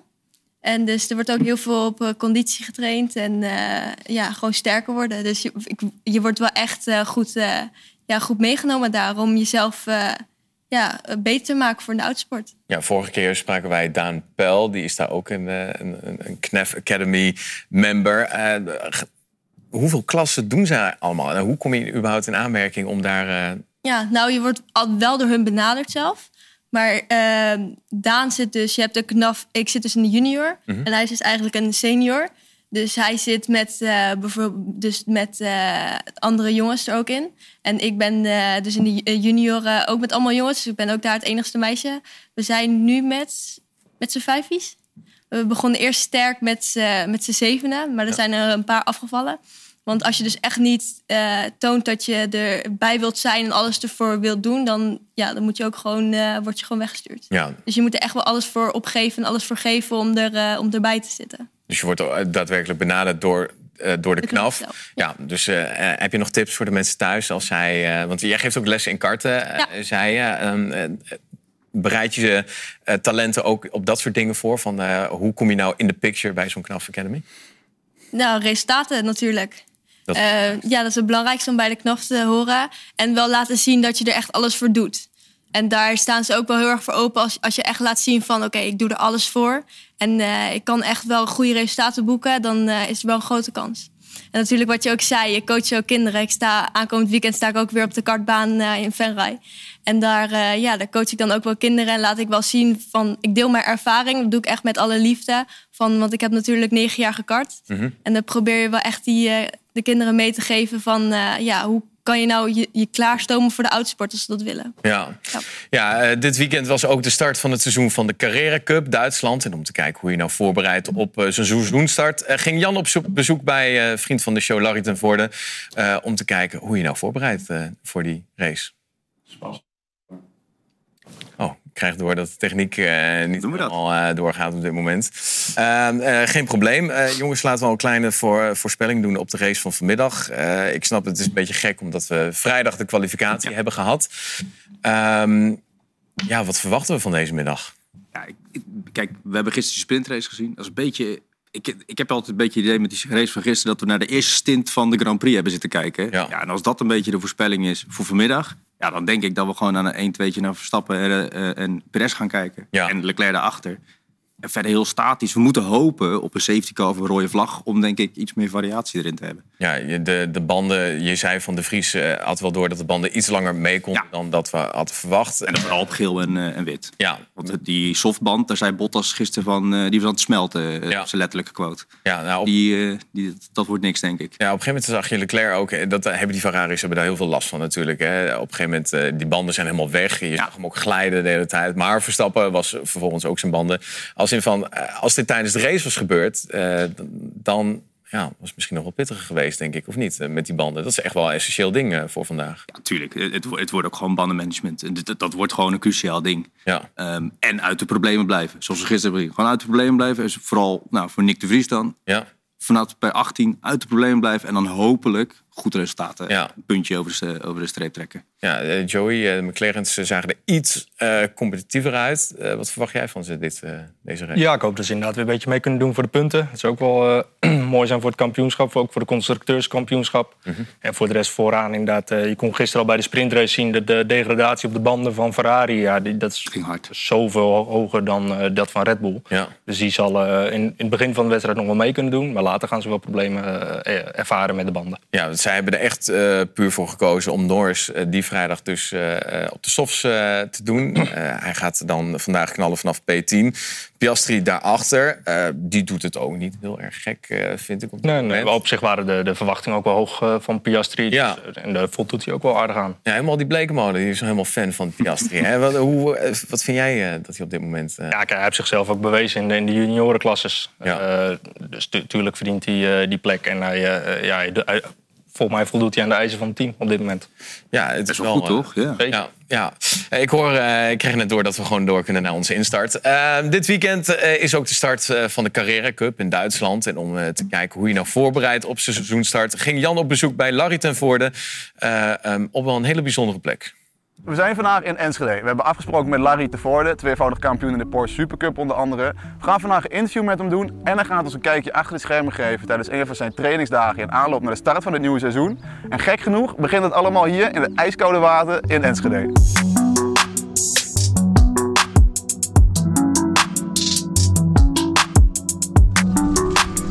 Zo. Hoe was dat? Wakker. ja, dat zal goed. Nou, Steven, jij bent uh, de ademcoach van Larry. We staan hier op het Rutbeek in Enschede. Het is koud, het is net weer een beetje droog, dus dat scheelt. Maar wat zijn jullie in godsnaam aan het doen hier?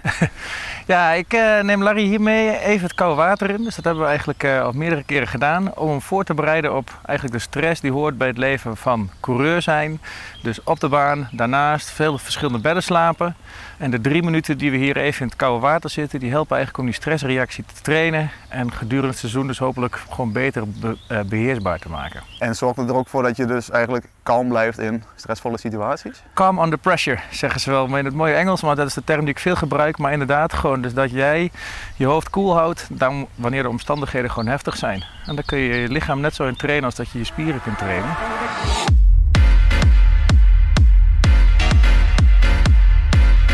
Larry, uh, welkom terug op ons kanaal. Ja. Hoe gaat het met je? Het gaat hartstikke goed. Ik vind het hartstikke leuk jullie erbij zijn om eens uh, meer te kijken bij mijn trainingen. Uh, het seizoen begint natuurlijk uh, nu echt, echt te beginnen. Deze week de, de eerste, eerste race. En ja, ik kijk er heel erg naar uit. Ik ben more ready dan, dan ooit, zeg maar. Um, ik vond het heel gaaf jullie een kijkje mee te nemen. Nou, we hebben natuurlijk net in koude water begonnen. En dat is natuurlijk een mooi begin om dat aan te sluiten nu bij Pro F. Hoe ziet jouw sportschema eruit in aanloop naar de start van zo'n nieuw seizoen? Um, nou, zoals gezegd, natuurlijk die zes dagen in de week. Maar het is niet dat je denkt van oké, we hebben nu uh, twee uur training gehad. Maar vaak is het ook van uh, de stretching komt er nog bij. Uh, vaak als ik me goed voel, doe ik nog een fietstraining s'avonds bij om weer gewoon los te fietsen. Want je merkt het ook weer als je een training gehad hebt. Ja, je bent ook weer op een goede manier met je stijl mee bezig. Dan kun je wel weer goed staan voor de volgende training die we op te bouwen. Er spelen natuurlijk heel veel factoren mee. dat is natuurlijk weer met een mooie schakel naar de autosport. Het is niet alleen maar rondjes rijden. Het is ook gewoon de hele koepel zeg maar, wat erbij zit.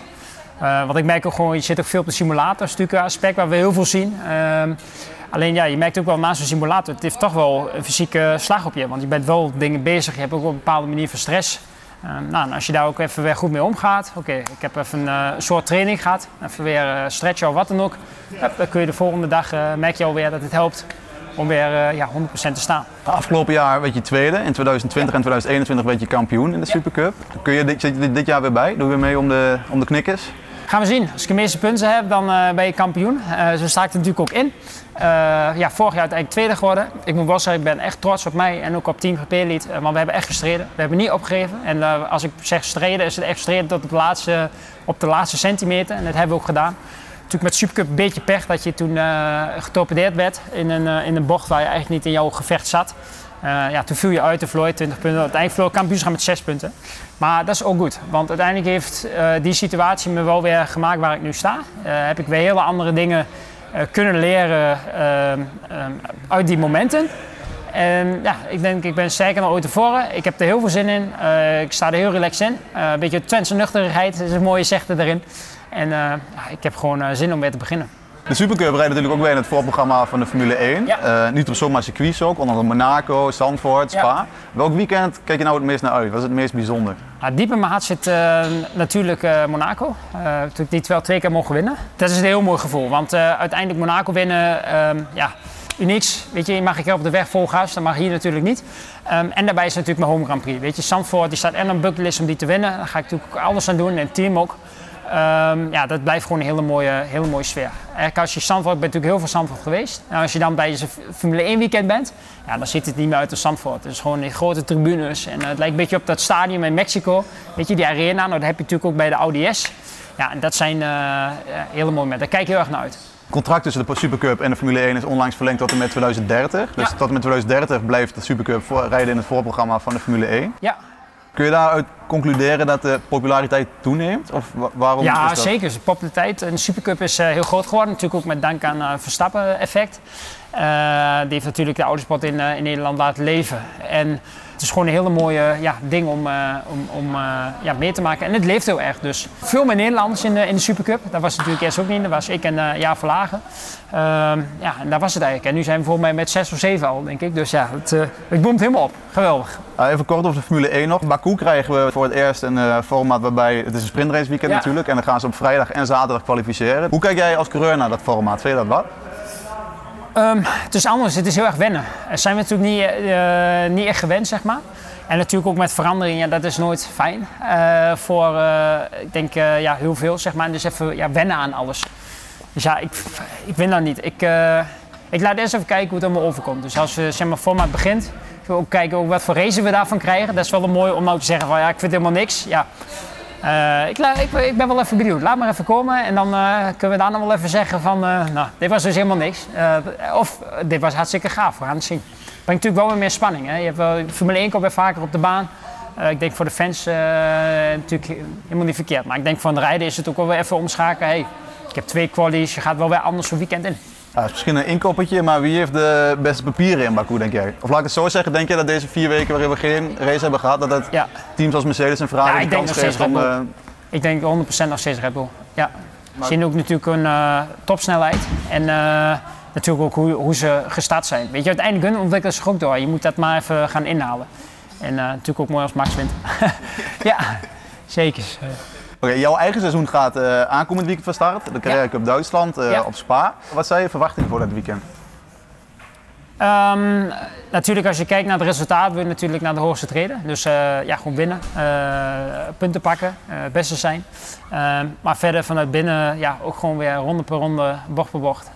weer hartstikke fijn om weer met een geweldig team te kunnen samenwerken. Ehm, weer op circuit te zijn om te racen, dat is natuurlijk ook heel gaaf. Het racen gaat weer echt beginnen. Is natuurlijk ook al een tijdje geleden voor mij, in januari de Dubai 24 uur. Dus op zich wel weer iets anders dan de, dan de Supercup of Carrera Cup. Want dat wordt weer rammen, weet je. Dat is een half uurtje, hup, alles eruit te halen. Of 35 minuten zelfs in de, in de Duitse Cup. Dus ja, ik heb gewoon heel veel zin in. En uh, ja, we zien wel wat schipsrand. Dus uh, even vaat erin en dan uh, zo hard mogelijk wegduwen. Dus, ja. Nederlands volkslied in de Ardennen aankomend weekend. Zou wel mooi zijn, toch? 100%. Ja. Dankjewel. Ja, dankjewel. Ja, het was een mooi resultaat voor het team van GP Elite. Want uh, Larry is uiteindelijk tweede geworden. En Luke Hartog, uh, die zijn debuut heeft gemaakt bij het team, uh, werd gisteren eerste. Nou. Prachtig om te zien. Toch? Ja, ja goed. Allemaal gasten die, een beetje, die we een beetje hebben gevolgd. Uh, Luke helemaal in zijn trainingsschema. En wat vaker interviews gehad. En ook met Larry. Ja, ik vond het tof om te zien dat zij gewoon die sport uh, zo onwijs aan het domineren zijn, zeg. Echt vet. Ja, mooi om te zien. Mooie dingen. Ik vind het leuk om andere raceklassen zo uh, uit te lichten... waar uh, talenten gewoon uh, ja, lekker bezig zijn. En we, en we, hebben gewoon veel Nederlands talent in al die klassen ja. rondlopen. Ja, dus weer. kunnen we trots zijn als klein landje. Precies. Ja. kleine voorspelling over de race van vanmiddag. We hebben het er net al een beetje over gehad. een Noor start inderdaad vanaf P7, niet vanaf P10. Um, Leclerc start al pole position. Ik weet niet hoe lang hij het gaat volhouden. Nee. Hij zal wel, ik denk dat hij wel sterk weg is. Sterke eerste stint. Ja. En dan uh, waarschijnlijk motorproblemen. Rond uh, ronde. Het was een kat, hè? Het was niet een kut, het was een kat. Oh. dus, uh, ja, dat is ook wel. Het, die race pace van die, van die Ferrari is gewoon nog niet optimaal. En ja, Verstappen zei ook na een interview op de vrijdag van. Nou, we hoeven maar één auto in te halen. En dat is ook nog een Ferrari. Dus. We gaan het zien. We gaan, maar ik denk wel uh, Perez 1. Ik zet Perez op 1. Ja? Ja, ja, ja. ja die heeft wel een mentale mindset en die denkt, uh, ik ga deze winnen. Straatcircuit. Straatcircuit, uh, mijn, uh, mijn baan. Ja. Dus max 2. Dan kans. zal hij niet blij zijn met teamcalls of zo. En voor de rest geen idee wie de derde wordt. Dan komt er wel lekker makkelijk vanaf. Dion, wat vinden de mensen thuis? Wat denk je zij dat er gaat gebeuren? Ja, iedereen is een beetje die, mensen weten het nog niet echt. Veel mensen denken wel Max. Ja. Uh, Max natuurlijk gewoon sterk over het algemeen altijd. Ja. Uh, en Perez ook uh, wel. Misschien zal die favoriet zijn. Ik weet het niet. Maar doet het altijd goed op stratencircuits. Ik heb wel wat anders. Um, namelijk, er zijn veel rode vlaggen geweest. Dat hebben we gezien natuurlijk in Australië. Dat was echt gigantisch volgens mij. meeste ooit. Um, dus mijn vraag aan jullie is: hoeveel vlaggen, rode vlaggen denken jullie dat er gaan, gaan komen? Nou, is bij. Hoeveel denk je? Uh, nou, bij dit uh, circuit is altijd uh, als er heel snel een safety car komt, dat het gelijk uh, naar een rode vlag gaat. Ja. Dus ik gok wel op. Nou, drie zou te veel zijn. Eén te weinig. Dus ik denk dat we naar twee moeten dat gaan. Het twee worden. Ja. Ja, grote kans. Ja. Ik denk dat die rookies ook wel als sergeant misschien dan toch nog iets. Of dat er op het begin toch. Die moet gewaarschuwd zijn. Hè? Die mag niet met hetzelfde foutje maken. Die moet nou wel door. Misschien niet dezelfde, nee, maar. Zoveel schade gereden dit seizoen ook. Ja. Dat uh, gaat wel ten koste van Williams hoor. Ja. Met die budgetcap en alles. Ja, en als je ziet dan waar uh, Albon die auto neerzet, dan weet je dat die prestaties er wel in zitten. Dus ja. het is zonde dat Sargent niet mee kan. Misschien moet je niet te veel van hem verwachten in zijn eerste paar races in de Formule 1. Maar ja. Hij is ook maar net aan in de Formule 1 gekomen. Absoluut, ja zeker. Punten. Ja, um, ik ben ook trouwens benieuwd wat de Mercedes gaan doen. Uh, Hamilton, toch P5. Ja, maar ik... gaan, gaan die nog iets geks doen? Of denk je, nee, dat is het gewoon... Uh, ik, zij, zij komen op die topsnelheid komen zij zoveel tekort. Hè. Dat uh, was echt bizar. Als je dat uh, vrijdag en, uh, en gisteren ook zag. Ja. Zij verliezen zoveel op het rechte stukje. Dat, ja, dat, dat, dat, kun je bijna niet goed maken. Joh. Ja, dus zij gaan ook niet meedoen op geen ja, Volgens mij zijn ze zelfs het achtste of negende team qua topsnelheid. Ja. ja, voor mij zei Russell gisteren nog ergens... zelfs als we zonder achtervleugel zouden rijden... dan zijn we nog niet snel genoeg dan die Red Bull. Ja, dan, dan, dan heb je antwoord al. pijnlijke uitspraak. Ja. Ja, ja, je merkt gewoon dat het echt... Uh, ja, het, het, wordt niet weer een tussenjaar, denk ik. Maar het is wel een jaar waarvan ze toch wel even echt moeten gaan kijken... van hoe kunnen we nou de komende jaren nog gaan innoveren. Want... Ja, maar daar zijn ze mee bezig. Hè? Want James Allison is teruggehaald. En uh, die, gaat natuurlijk, uh, die, die was natuurlijk verantwoordelijk voor het succes daarvoor... in 2021 en alles ja. daarvoor. Um, dus ze gaan wel schakelen. En, maar ik denk dat je dat pas gaat zien. Ja, dat ga je volgend jaar denk ik pas zien. Dat, dat kun je niet nu na een ja, paar weken. Inderdaad, ja. En, en hoeveel kan je nog innoveren, aangezien alles al gewoon vast uh, ligt natuurlijk. Ja, ik denk toch dat concept omgooien. Ja. Dat het enige oplossing is. Uh, je kunt er heel erg aan vasthouden, maar je ziet dat het je niet brengt wat je wil. Nou, nee. Dan moet je een keer overstag gaan. Ja. ja, eh, ik ben benieuwd hoe ze het gaan doen. De, de eh, krachtbron is wel redelijk eh, betrouwbaar die ze hebben. Dus dat, dat hebben ze dan wel weer mee. Alleen, eh, ja, denk dat... Zoals gisteren zag je ook wel dat Russell er gewoon lekker bij zat... als eh, Verstappen ook niet zo'n hele goede start heeft. Weet je wel. Dus van, van dat soort momentjes moeten ze het wel echt gaan hebben. En helemaal op een circuit waar het moeilijk eh, is om in te halen... dan, eh, dan zou je nog iets kunnen doen. Maar ik denk dat het... eh Tegen beter weten. worden. Dit is gewoon uitzitten, denk ik, voor Mercedes. En hopen dat je gewoon puntjes kan pakken en dan snel door naar de volgende race. Ja. Denk ik. Ja, Pierre Gasly rijdt nu bij het team van Alpine. Heeft ook niet een heel erg eh, lekker weekend. Eh, zijn auto vloog volgens mij ook eh, in de fik vrijdag. Ehm, heeft ook niet heel veel kunnen trainen dus op dit circuit. Het valt me wel een beetje tegen met hoe het op dit moment gaat met hem. De Alpine had ik wel iets hoger ingeschat. Ocon doet het daarentegen wel best oké eigenlijk. Ehm, wat verwacht jij van Gasly vandaag? Ik hoop dat hij dan ja, een beetje dat, die knop kan omzetten van... oké, we hebben nog niet gepresteerd, ik eh, moet nu echt presteren. Dus ik denk wel dat in de punten dit, eh, deze race gaat vallen. Ja, En eh, ja, voor de rest hoop ik ook Ocon. Ehm, maar ik denk wel dat Ocon boven Gasly gaat eindigen. Ja, ja dat, dat merk je toch wel dat Ocon iets meer domineert. Natuurlijk heeft hij al iets langer in die auto's gereden, maar dat, ja, ik had wel even iets meer van Gasly of zo. eh. Ik ook. Kijk, het is, het is pijnlijk dat, dat dat team na dat brandje op vrijdag die auto helemaal weer eh, eh, heeft hersteld. En dan vliegt hij er zelf vanaf. Dat, is- dat is wel heel zuur. Maar ik vind ook wel Gasly rijdt tot op heden gewoon een kleurloos seizoen. En, en het is nog niet de Gasly die we bij hebben gezien de afgelopen paar jaren. En misschien moet hij nog een beetje zijn, zijn swing vinden daar, zijn ritme komen. Ja. Eh, maar ik vind het ook jammer. Ik had, ik had echt wel verwacht dat hij gaat Ocon misschien aanpakken. Dat wordt echt eh, een gevechtje. Ja. En Alpine heeft natuurlijk van tevoren gezegd... in Baku krijgen we updates, gaan we knallen. Ja, ik heb het nog niet gezien. Nou ja, de, de werd geknald, maar Ja, op een de andere manier, er werd weinig getraind in ieder geval. Nou, eh, Joe heeft zijn top 3 al een beetje eh, gedaan, Esmee. Wat, eh, wat ver- verwacht jij? Top 3? Ik denk dat, eh, dat het, het zou het omdraaien dat Max 1 wordt en eh Perez 2. Omdat eh, ik denk dat Max nooit zou pikken dat Perez hem voorbij gaat. Dus Ja. ik denk dat hij echt alles zou blokken om ervoor te zorgen dat eh Perez er niet langskomt. En eh, op drie, wie zou ik op drie zetten? Mm, dan denk ik wel naar Leclerc toe. Dat hij gewoon steady blijft achtervolgen. Wel met een groot gat tussen, tussen Perez. Toch even wat punten pakken. Ja. Remy? Ja, ik denk eh, ook eh, Verstappen, Perez, eh, Leclerc. En, en om daarop in te haken, wat je net zei. Ik denk ook dat Verstappen er alles aan zou doen om Perez niet voorbij te laten gaan. En dat vond ik stiekem ook jammer. eh, gisteren in die sprintrace, dat Russell en Verstappen dat contact hadden, wat ik dacht. Maar nu moet Verstappen richting Perez. En dat wordt heel interessant met die hele lading in de eerste drie wedstrijden. Maar dat gevecht hebben we niet gezien. Dus ik hoop dat we hem vandaag te zien krijgen.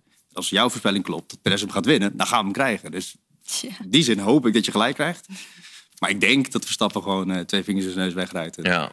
Ja, Horde heeft volgens mij ook gezegd van eh, we gaan niet ingrijpen hè, als het gewoon netjes wordt geraced. Dus dan eh, gaan we niet over een boordradio zeggen nee, je moet positie teruggeven of laat hem er langs of zo. Hij gaat niet ingrijpen, maar hij gaat ook niet laten gebeuren wat Ricciardo Verstappen een paar jaar geleden uit. Nee, dat denk ik. Dus weet je, Nee, ik denk dat het wel iets netter eraan toe gaat. Maar ja, Perez, die, op dit moment staat hij best wel dichtbij Verstappen. Dus als hij het raakt, het kampioenschap, dan gaat hij natuurlijk voor. En ik geef hem ook geen ongelijk. Het is nu 13 punten. En stel nou voor dat hij vandaag wint, dan gaat hij... eh ja, het onderlinge verschil wordt straks minder dan 10 punten misschien wel. Nou, dan, dat wordt leuk. Ja, ik hoop persoonlijk ook dat, eh, dat een Sainz of een Leclerc toch wel iets meer mee gaat doen om het kampioenschap nog eh, interessant te houden. We zijn pas een paar races erin, maar is wel lekker als je op het begin even wat, eh, dat het allemaal wat dichter bij elkaar zit. Eh, Perez, Perez had gezegd dat hij wereldkampioen wordt. Hè? Ja. Wel in een tweet die hij vijf minuten daarna weer verwijderd had. Oh, echt? Maar, eh, Dat ene zinnetje was eruit. ja, dat ene zin. eh, Ik had hem ook gezien. ja, dan moet je hem ook laten staan. Ja, ja, Toch? ja, Eh, ja. Waarschijnlijk kreeg je meteen een belletje van Helm met eh Mark. Nou, ik denk dat dat gebeurt. Dat is, je, je gaat het nu weer zitten oprijden, kappen ermee. Weet Ja. je. Dat, eh, ja. ja, iedereen gaat er wel goed op natuurlijk. Op die, op die, want het zijn de twee beste op dit moment. Ze rijden in de snelste auto's. Dus zij gaan uitmaken wie de kampioen wordt. Als het zo blijft. Hè. Je weet dat het over een paar races anders is. Maar eh, laat het gevecht maar losbarsten. Ik kijk ernaar uit. Dion, om het af te maken, wat verwacht jij? Ja, ik heb wel een leuke voorspelling, denk ik. Ehm, Max natuurlijk eh, wil, is gedreven om deze te winnen. Is hij altijd. Maar nu misschien nog wel extra. Omdat hij natuurlijk het, eh, super gefrustreerd is van de sprint. Ehm, en Perez ook. Perez is ook super gedreven. Dus ik denk dat die twee elkaar in de muur drukken. Zoals dus eh, Ricciardo en, eh, en Max ooit deden. Dat denk ik. En dan zal het waarschijnlijk... ehm, dan denk ik dat Leclerc gaat winnen. dat Russell daarachter zit met daarachter Sainz. Oh. Zo. Het is een, he- is een hele wilde voorspelling, maar ik, Ja. ik durf hem te maken. Nou, in ieder geval een rode vlag, wat ik dan hoor. Daar gaan we zeker weten, misschien wel twee. Ja. Nou, dat is interessant. En eh, de chat, eh, komt er nog iets voor? Ja, de chat die eh, is eh, eigenlijk eh, of Max of Perez. Ik zie hier ook iemand zeggen eh, Leclerc, Russell, Sainz. Eh, en dan ook een, eh, een crash tussen de Red Bulls. Eigenlijk eh, wat ik zei. dus eh, ja, zijn mensen met me eens. Daar ben ik blij mee. Nou, ik eh, ben onwijs benieuwd wat er vanmiddag allemaal gaat gebeuren. Om één uur is het al zover. De race. Het is niet meer om half vier of vier uur. We gaan gewoon om, om één uur al knallen. En wil je niks missen van het allerlaatste nieuws en gewoon op de hoogte blijven? Nou, check dan gpfans.com of abonneer je even op dit kanaal. Dan ben je altijd op de hoogte van het allerlaatste Formule 1 nieuws. Jongens, ik wil jullie allemaal bedanken voor de gezelligheid. En tot de volgende. Hoi!